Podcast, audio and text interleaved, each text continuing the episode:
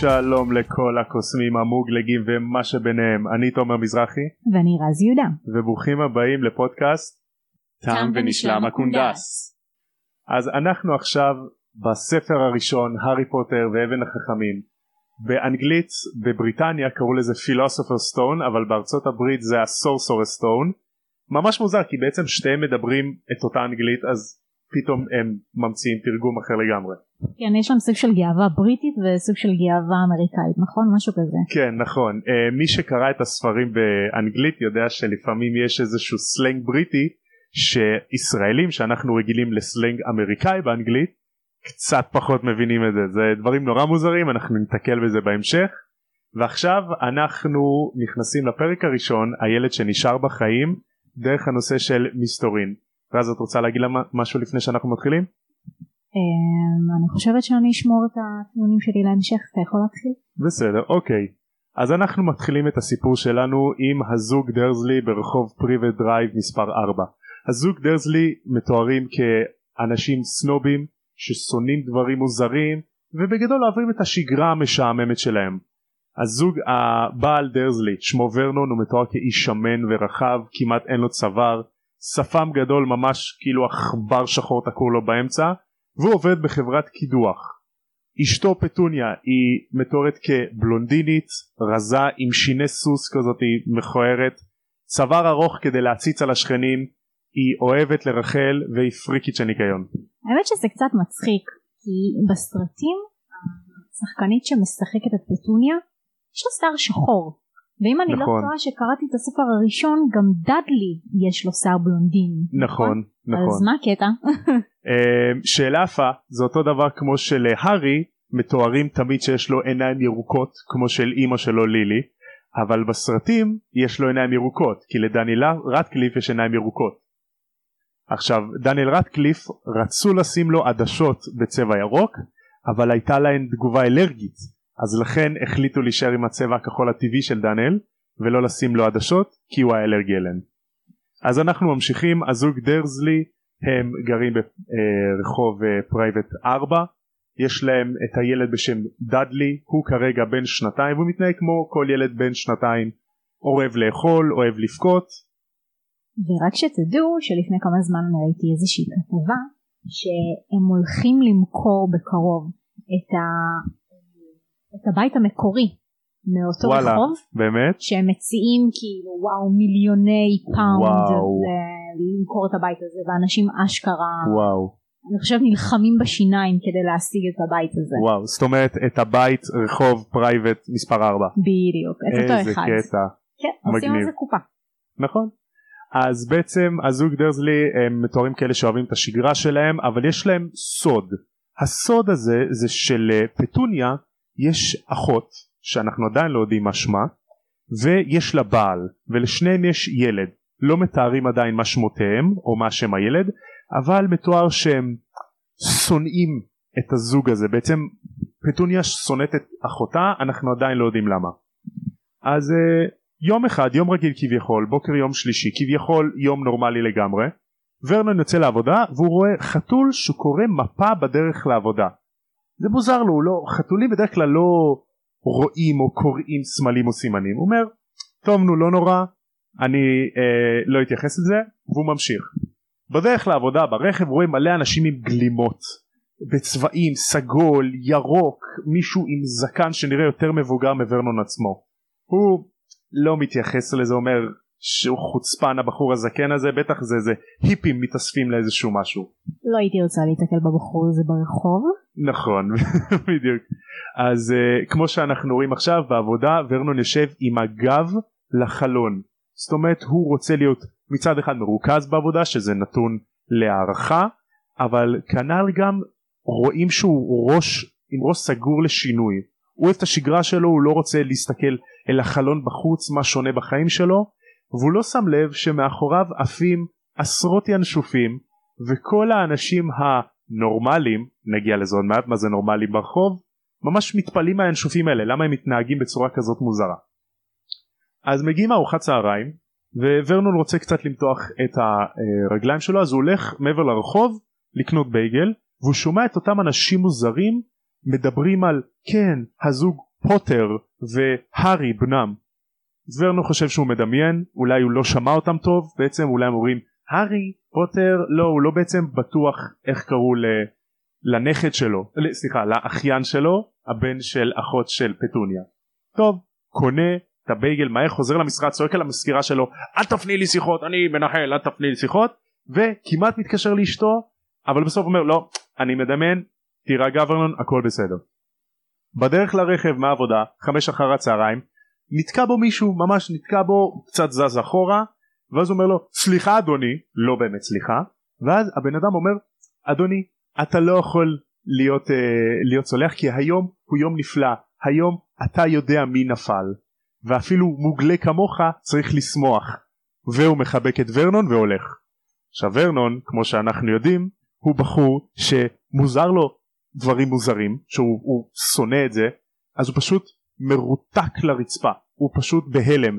מישהו זר כרגע חיבק אותו מלא חיידקים קורונה לא רוצים. הוא אומר טוב אני לא יודע הוא אמר לי דברים אתה יודע מי מוגלג? לא יודע מחליק את זה נוסע הביתה. ליד הבית הוא רואה את עדיין את אותו החתול מוזר שקורא את הסמל של רחוב פריבט אה, דרייב מספר 4 הוא עושה לו שו לך מפה קישטה והחתול לא בורח. החתול מסתכל עליו במבט קשוח. ורנון מחליט לא לספר על היום המוזר הזה לפטוניה כלום ונכנס הביתה. פטוניה ריכלה על השכנה ודדלי למד מילה חדשה שהיא לא מילה שלרבט משהו כביכול יום רגיל בשביל גברת דרזלי. ורנון פותח את החדשות אחרי שהם השכיבו את דדלי לישון והוא רואה דיווח על מלא ינשופים שמומחים לצפרות אומרים זה בעצם התנהגות מוזרה לינשופים במיוחד עכשיו והרבה כוכבים וזיקוקים בשמיים שזה היה קצת מוזר יכול להיות אולי יש פסטיבל אבל בעצם הפסטיבל זה עוד שבוע. מוזר מאוד. והתחזית להיום בלילה הולך להיות גשום. תזכרו את זה כי התחזית הולכת לחזור אלינו בסוף הפרק שזה משהו מטומטם בעיניי אבל אנחנו נחזור לזה. ורנון שואל את אשתו על אחותה האנשים המוזרים הסוג שלה אומר את זה ממש הסוג שלה. לא היא לא שמעה ממנה אבל אני חושב שלבנה קוראים הארי. עכשיו על פי הספר רשום שהארי זה שם של נחותים. ואם אני עושה את החשבון נכון באותו זמן בבריטניה שג'יי קי רולינג כתבה את זה זה בערך סנוף שנות ה-90 אז הנסיך הארי נולד. עכשיו מה זאת אומרת שם של נחותים? כי יש לכם נסיך בשם הארי. נכון? יש נסיך בשם הארי. כן בטח. כן. מוזר מאוד. טוב לא משנה. אז uh, ורנון הולך לישון ואומר כל היום הזה מוזר זה לא קשור אליי אני ופטוניה אנשים רגילים. כל האנשים המוזרים כמו אחות של פטוניה זה לא קשורים אליי. ואוי כמה שהוא טעה החתול יושב על החומה מחוץ לרחוב פרי ודרייב 4 כאילו מחכה למישהו. ובסוף הרחוב פתאום משום מקום בהינף של גלימה מופיע איש זקן. האיש הזקן מתואר כאדם גבוה רזה עם עיניים כחולות וניצוץ בעיניו משקפיים משקפי חרמש חצי ירח וזקן עד למותניו שהוא אוהב לשים אותו בתוך החגורה שלו. כן יש לי חלום קטן להיות עם כזה זקן ארוך. היית רוצה שיהיה לי זקן כזה? אני אישית אוהבת אותך. עם אה, זיפים אה, וקצת זקן אבל לא יותר מדי אה, טוב בסדר בסדר. אז לאיש הזה קוראים אלבוס דמבלדור. והוא מוציא מתוך הכיס שלו מכשיר שבאנגלית קוראים לו ה Put-Outer ואחר כך ג'יי קיי רולינג שינתה את זה ל Deluminator מרגיש שכאילו היא אמרה טוב קוראים לזה ה Deluminator ולא ה Out-Putter וזה ממש מוזר כאילו היא לא החליטה על שמות והוא מבר... מכבה את כל הרחובות ממש בקליקים ובסרטים יש דווקא אחלה מוזיקה. וספוילר המכשיר הזה הולך לחזור לקראת סוף הסדרה. נכון בדיוק. מעודכנים בנוגע לזה. בדיוק נכון. אז האיש הולך לו בניחותא מתיישב ליד החתול ומברך אותה ערב טוב לך פרופסור מגונגול פרופסור מגונגול זה בעצם החתול. היא הופכת לחתול והיא מופתעת שהוא גילה אותה הוא בעצם יודע שהוא כבר חתול. עכשיו זה מוזר שהיא מופתעת שהוא גילה אותה כי בעצם הם עובדים ביחד כבר כמה שנים. וכנראה הוא, הוא כבר יודע שהיא יכולה להפוך לחתול שהיא בעצם מה שנקרא אנימגוס שאנחנו ניתקל במונח הזה רק בספר השלישי. האמת שזה מאוד יפה שהוא בכלל זיהה אותה, אני בטוחה שיש הרבה חתולים ברחוב וכאלה שנראים גם אותו דבר, אז יפה שדווקא כנראה היו לה סימני היכר רק לה. נכון. נכון, אבל זה דמבי שלנו, הוא בחור קצת, קצת חכם, הוא צריך להיות איזה מנהל של בית ספר או משהו, הוא חכם כזה. אז uh, פרופסור דמבלדור מופתע שמגונגול בכלל הייתה כאן כל היום והסתכלה על הזוג דרזלי והיא לא חגגה כמו שהוא חגג ב-12 מסיבות לפני שהוא הגיע לשם וכאילו אולי הוא בן איזה מאה ומשהו ככה הספר חושב טוען אבל הוא חתיכת בליין הוא תוך כדי אוכל לו סוכריות לימון מדבר איתה על אתה יודע מי. עכשיו אתה יודע מי בעצם הוא מספר למגונגול שאין טעם לפחד משמו ולהגיד את שמו האמיתי הלורד וולדמורט. מגונגול קצת רועדת למשמע השם אבל דמבלדור מספר לה שאין מה לפחד מוולדמורט הרי הוא נעלם והפחד מהשם מגביר את הפחד מהדבר עצמו. אה, מגונגול אומרת דמבלדור אתה יכול להגיד את השם שלו כי כולם יודעים שוולדמורט מפחד ממך. דמבלדור מצטנע ואומר אני אה, לא רוצ... לוולדמורט יש כוחות שלי לעולם לא יהיו. נגונגול משיבה לו של אתה היית תמיד אציל מדי כדי להשתמש בהם. עכשיו אם אנחנו עושים פה אינפרינג כזה בין השורות אנחנו יכולים להבין שדמבלדור הוא כן מבין בכוחות האופל הוא פשוט טוב מדי מכדי להשתמש בהם. עכשיו זה בעצם רמז לעבר שלו שאותו אנחנו נגלה בהמשך. אז uh, דמבלדור אומר שהוא uh, מוסמיק וזה ואז הם מדברים על האם השמועות נכונות האם וולדמורט באמת הרג את הזוג פוטר והאם באמת הוא לא יכול להרוג את בנם הארי. ומגונגול מאמינה רק אחרי שדמבלדור מאשר לה את זה זאת אומרת רואים כמה שהיא מאמינה בו כמה שהיא סומכת עליו. והם בעצם לעולם לא יכולים לדעת למה וולדמורט יכל להרוג את ההורים של הארי אבל לא את הארי עצמו אבל כמו שאנחנו נלמד בהמשך הסדרה דמבלדור דווקא כן יודע למה הוא עושה את זה וזה בעצם חלק מהתוכנית הגדולה שלו עבור הארי. מגונגול מוחץ על הבחירה של דמבלדור שהארי יגור עם הזוג דרזלי שהם נוראים. היא אומרת שהוא יהיה מפורסם, שיהיה יום הארי פוטר ואז בעצם היא אומרת שיכתבו עליו ספרים בעתיד כי הוא יהיה מפורסם. ממש מצחיק מגונגול כאילו כאילו ג'יי קרוניג הביאה לעצמה להנחתה שיכתבו עליו ספרים. אני לא כל כך מבינה אבל למה דמבלדור החליט כן לשים את הארי אצל הזוג דארסי. זאת אומרת הזוג הזה מתואר בתחילת הספר כמה שהם נוראים וכמה שהם אנשים לא טובים ו- ושהם פשוט צועקים כל הזמן נכון. והם מתנהגים לא יפה אחד לשני איך דווקא הוא בתור השומר האישי שלו נכון. זה שהציל אותו ממשהו שבקרוב אנחנו נדבר עליו אבל הוא הציל אותו אז למה דווקא בחר אה, לשים אותו אצל האנשים הנוראים האלה ולא אצל אנשים טובים יותר.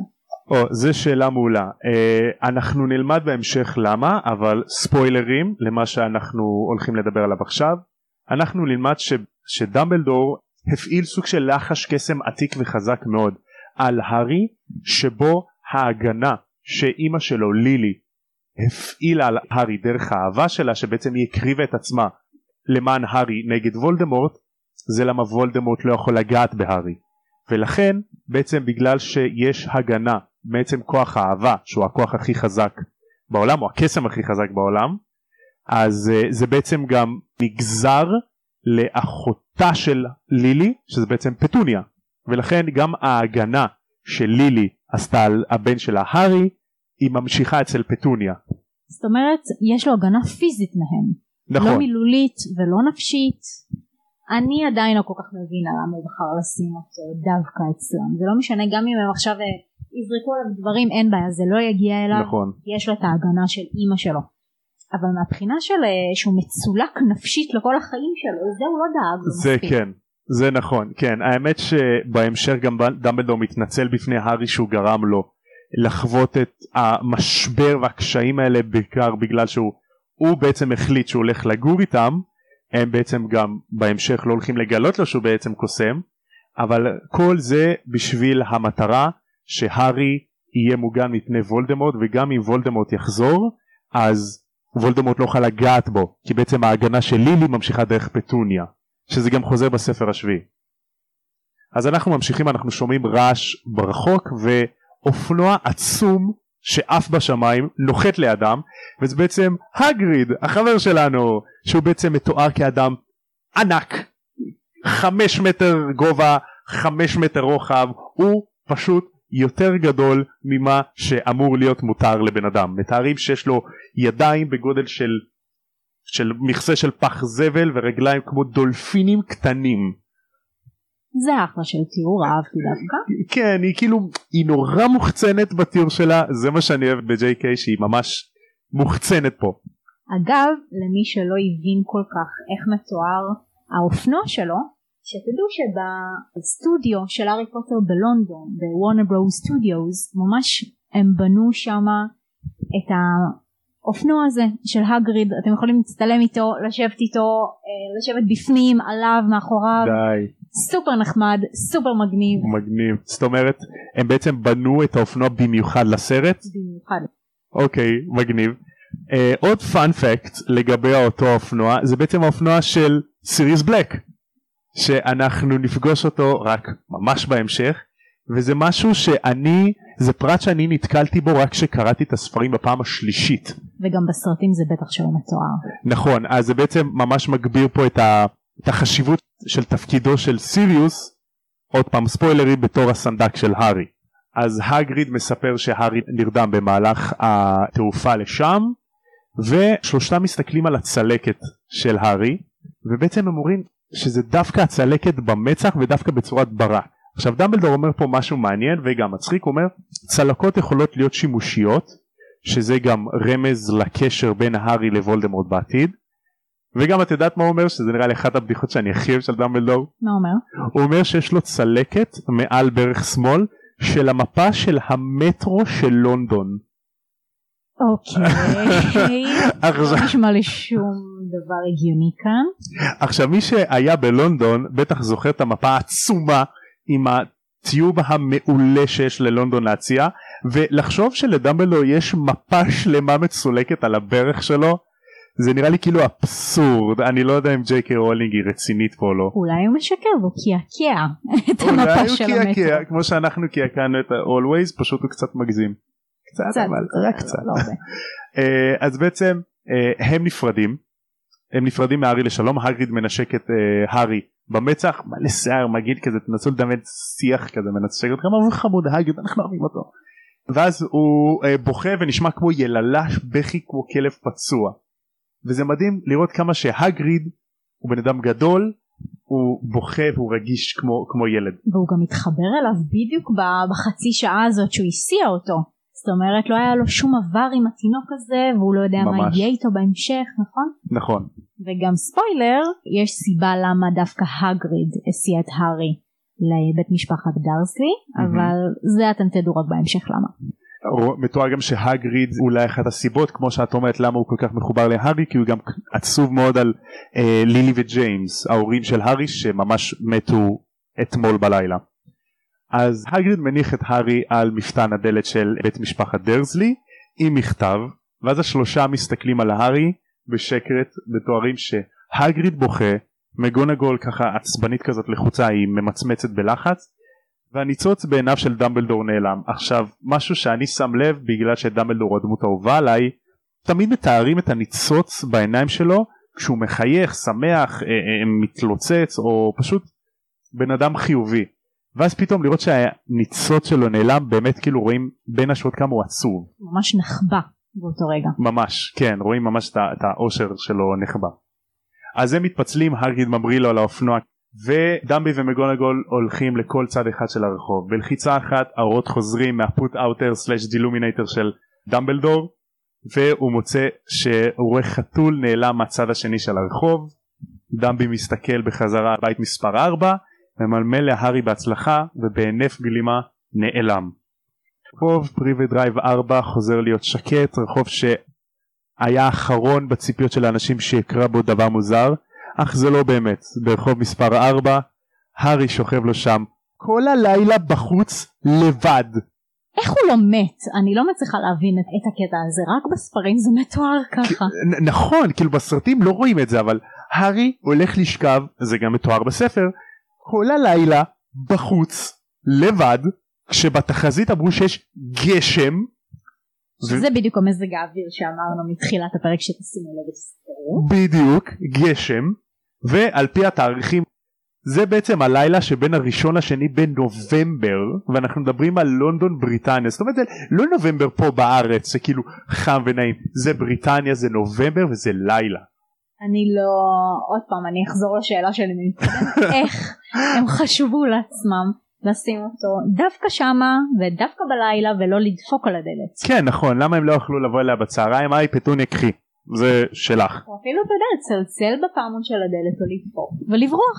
ממש ממש ככה אה, אנחנו צריכים לנהל את, את העולם הזה אני, אנחנו צריכים להיות מנהלים של הוגוורטס. אני מאוד מקווה שג'ייקי רולינג חברתנו היקרה פשוט לא שמה לב ולא התכוונה להתעלל בהארי התינוק. כן בדיוק. אז הארי הקטן שוכב לו שם ואין לו מושג שבכל בריטניה אנשים מרימים את כוסותיהם של הברצפת שלהם ואומרים בשקט לחיי הארי הילד שנשאר בחיים. האמת שזאת אחלה סיומת לפרק אני חושבת. מה דעתך? קודם כל ברצפת אני טעמתי. ומה דעתך עליה? זה מטורף. אוקיי. זה מתוק ברמות למי שניסה או לא ניסה. כן. אני ממש מסכים האמת שאני גם טעמתי קצת מהברצפת שלך לא הכי אהבתי אבל יכול להיות כי אני בן אדם של קצת משקאות מרים אה, בירה וויסקי אבל זה באמת נשמע טעים אבל בוא נדבר על זה רגע שבעולם של הארי פוטר הם שותים גם מיץ דלעת דמיין את עצמך מה הטעם של מיץ דלעת? אני אוהבת מרק דלעת בטח שלא מיץ.